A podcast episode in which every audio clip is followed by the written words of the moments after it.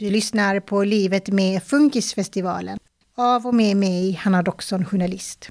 I det femte avsnittet så får Rocco Kurschar, ordförande i funktionsstödsnämnden för Malmö stad, svara på kritiken som har lyfts i tidigare avsnitt och berätta vad han tror att samhället behöver göra för att inkludera funkisar måste varit 2019 och eh, en eh, politisk kollega till mig, Bengt, hade varit i Stockholm tror jag det var. Och då hade han eh, fått, fått se den här Funkisfestivalen och eh, vi hade ju väldigt stora ambitionsnivåer eh, i början av en mandatperiod för hur man ska så här sätta ribban högt och, eh, och då, då tog han upp det med mig och då sa jag, men självfallet är det ju någonting som Malmö också måste vara en del av. Och sen kom det årsskiftet eh, 2019-2020 och vi fick en pandemi. Sen så efter eh, pandemin så hörde en medarbetare på funktionsstödsförvaltningen av sig till mig 2022 och eh, då tog hon upp bland annat Funkisfestivalen och sa, men vet du vad, Annette Helm heter hon.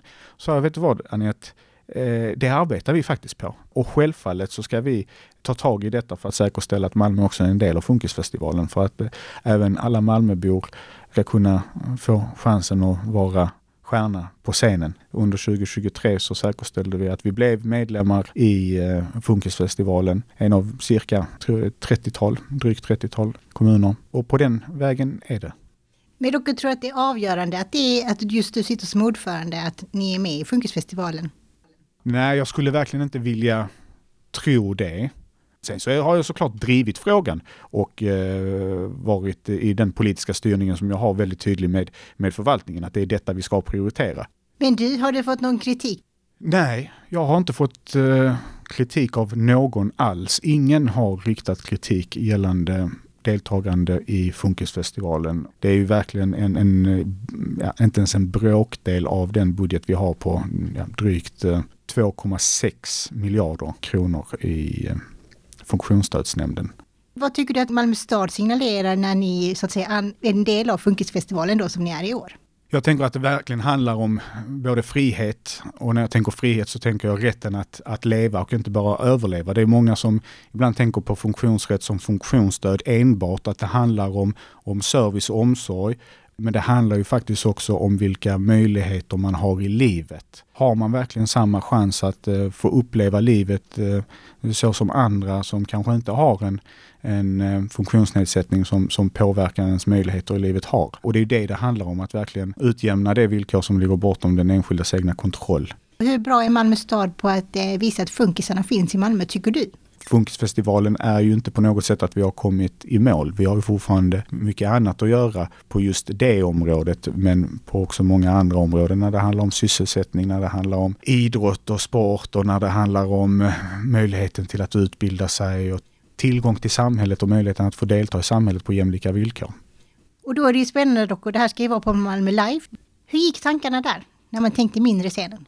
Ja, alltså jag kan ju bara säga om det. Jag kan ju tänka mig att uh, man uh, kanske tänkte detta är första gången vi arrangerade. Vi vet inte hur bra vi kommer att lyckas i att nå ut och väcka intresse kring detta. Jag tänker att intresset som har visat sig hittills är ju ett bra kvitto att ta med sig för nästa år, att intresset har varit så pass stort. Vi ska ju se då att det har varit utsålt nu sedan flera veckor tillbaka. Det är ju verkligen fantastiskt. Och, och, och, där tänker jag att den erfarenheten ska man absolut ha med sig till, till nästa år. Jag kan förstå att ibland eh, är man rädd för att första gången eh, starta i en eh, skala som kanske sen visade sig vara för stor. Så att jag har ingen kritik gentemot de ansvariga som just har gjort bedömningen att det skulle vara den, den, den lilla scenen. Men det är absolut någonting som jag förväntar mig att man tar med sig i utvärderingen sen inför eh, förberedelserna för eh, nästa års Funkisfestival. Men du Rocco, vad blir ditt uppdrag då den här dagen? Jag kommer självfallet vara där. Jag kommer att prata med deltagarna och få möjlighet att, att uh, rikta min uh, tacksamhet till eh, alla som har varit med i organiseringen av festivalen. Tacka alla som har faktiskt eh, använt den möjligheten och rätten som man faktiskt har att eh, kunna få vara stjärna på en scen. Hur lätt är det för funkisar annars att delta? Jag tänker på exempelvis Malmöfestivalen eller så. Vi pratar synlighet, inkludering i Malmö stad. Vad tänker du där? Man har haft en kontakt, vet jag, från Malmöfestivalens eh, sida till exempel då med eh, brukarorganisationer och eh, föreningar som företräder eh, Malmöbor med funktionsnedsättningar och funktionsvariationer. Men eh, någonstans så tänker jag att ambitionerna måste ändå vara högre. Jag kan förstå att eh, olika prioriteringar sätts mot varandra. Det påverkar eh, hur man har tillgängliggjort eh, inslagen och möjligheterna att få vara en del av inslagen vid ett tillfälle under en av festivaldagarna utan att detta ska vara eh, något som genomsyrar eh, en hel festival precis som det måste genomsyra i samhället. Och där har vi väldigt mycket kvar att göra. Varför kan man inte bara ge då funkisarna men två timmar på Gustavsscenen eller något? Jag förstår vad jag menar. Hur enkelt svårt kan det vara liksom? Men jag tänker någonstans behöver man också, tror jag, från eh, funkisrättsrörelsen samla sig och komma överens först tillsammans. För att nu som jag förstod det så var det lite att man hämtade in från alla separat. Och då kan det ju vara 10 000 olika idéer som har kommit. Och då måste ju de som tar emot idéerna på något sätt göra Eh, något val och, och, någon sorts eh, prioritering och då kan nog väldigt många känna sig besvikna att ah, men de valde inte vad vi föreslog. Och därför tror jag nog att det är viktigt att eh, funkisrörelsen samlar sig till exempel just inför arrangemang så som Malmöfestivalen och kommer överens om att det här tycker vi gemensamt och det här berör oss alla och denna prioriteringsordningen har vi gjort och sen så lämnar man över det önskemålet och de förslagen eh, till arrangörerna. Funkisfestivalen blir ju lite av en förebild i det här. Eftersom de, de gör ju audition och så får man tävla på en scen. Oavsett om man vinner eller inte får man ju visa upp sig. Är det omöjligt typ att göra en liten audition till Malmöfestivalen för att spela en timme liksom? Egentligen. Ja det är ju en bra idé. De som lyssnar och arbetar med Malmöfestivalen får ju ta till sig annars så säker, säkerställer jag att det, att det förmedlas vidare på politisk nivå till de som sitter i, i tekniska nämnden som är den eh, politiska nämnd som eh, ansvarar eh, för eh, Malmöfestivalen. Jo men det är liksom just det där att det inte alltid måste vara så svårt. Alltså för att det är ofta det man möter ibland när man pratar om funkisar med de som jobbar med funkisar ibland. Att det är så svårt, det är så känsligt. Och så pratar man med funkisarna, vi har bara fantastiska Lars, Mello-Lars här har, haft, har vi haft i studion. Och han bara, nej men det är lätt, vi kör liksom. Och du vet den andan, det finns ju hos dem. Ja, och, och där tänker jag, där handlar det väl kanske både mycket om, om eh, rädsla eh, för att eh, synliggöra att man kanske inte har så mycket kunskap i vissa frågor. Det handlar faktiskt om människors rättigheter och möjligheter att och på vilket sätt kunna delta i samhället. Det berör festivaler, det berör skola, det berör arbete, det berör hela samhället. Alla startar vi någon gång med väldigt lite kunskap eller ingen alls. Utan det, det är ju så, såklart en, en, en process. Och ja, någonstans måste vi ju inse det för att eh, kunna säkerställa att vi alla ja, blir medvetna och, och får mer kunskap om något som bör vara så grundläggande som allas lika rätt i samhället. Vi har ju Jeanette Frid i Malmö stad, eller hon är ju med ibland på hörn. Och nu har hon fått ett fint pris. Vad betyder hennes eh, engagemang? Ja, men det är ju en game changer.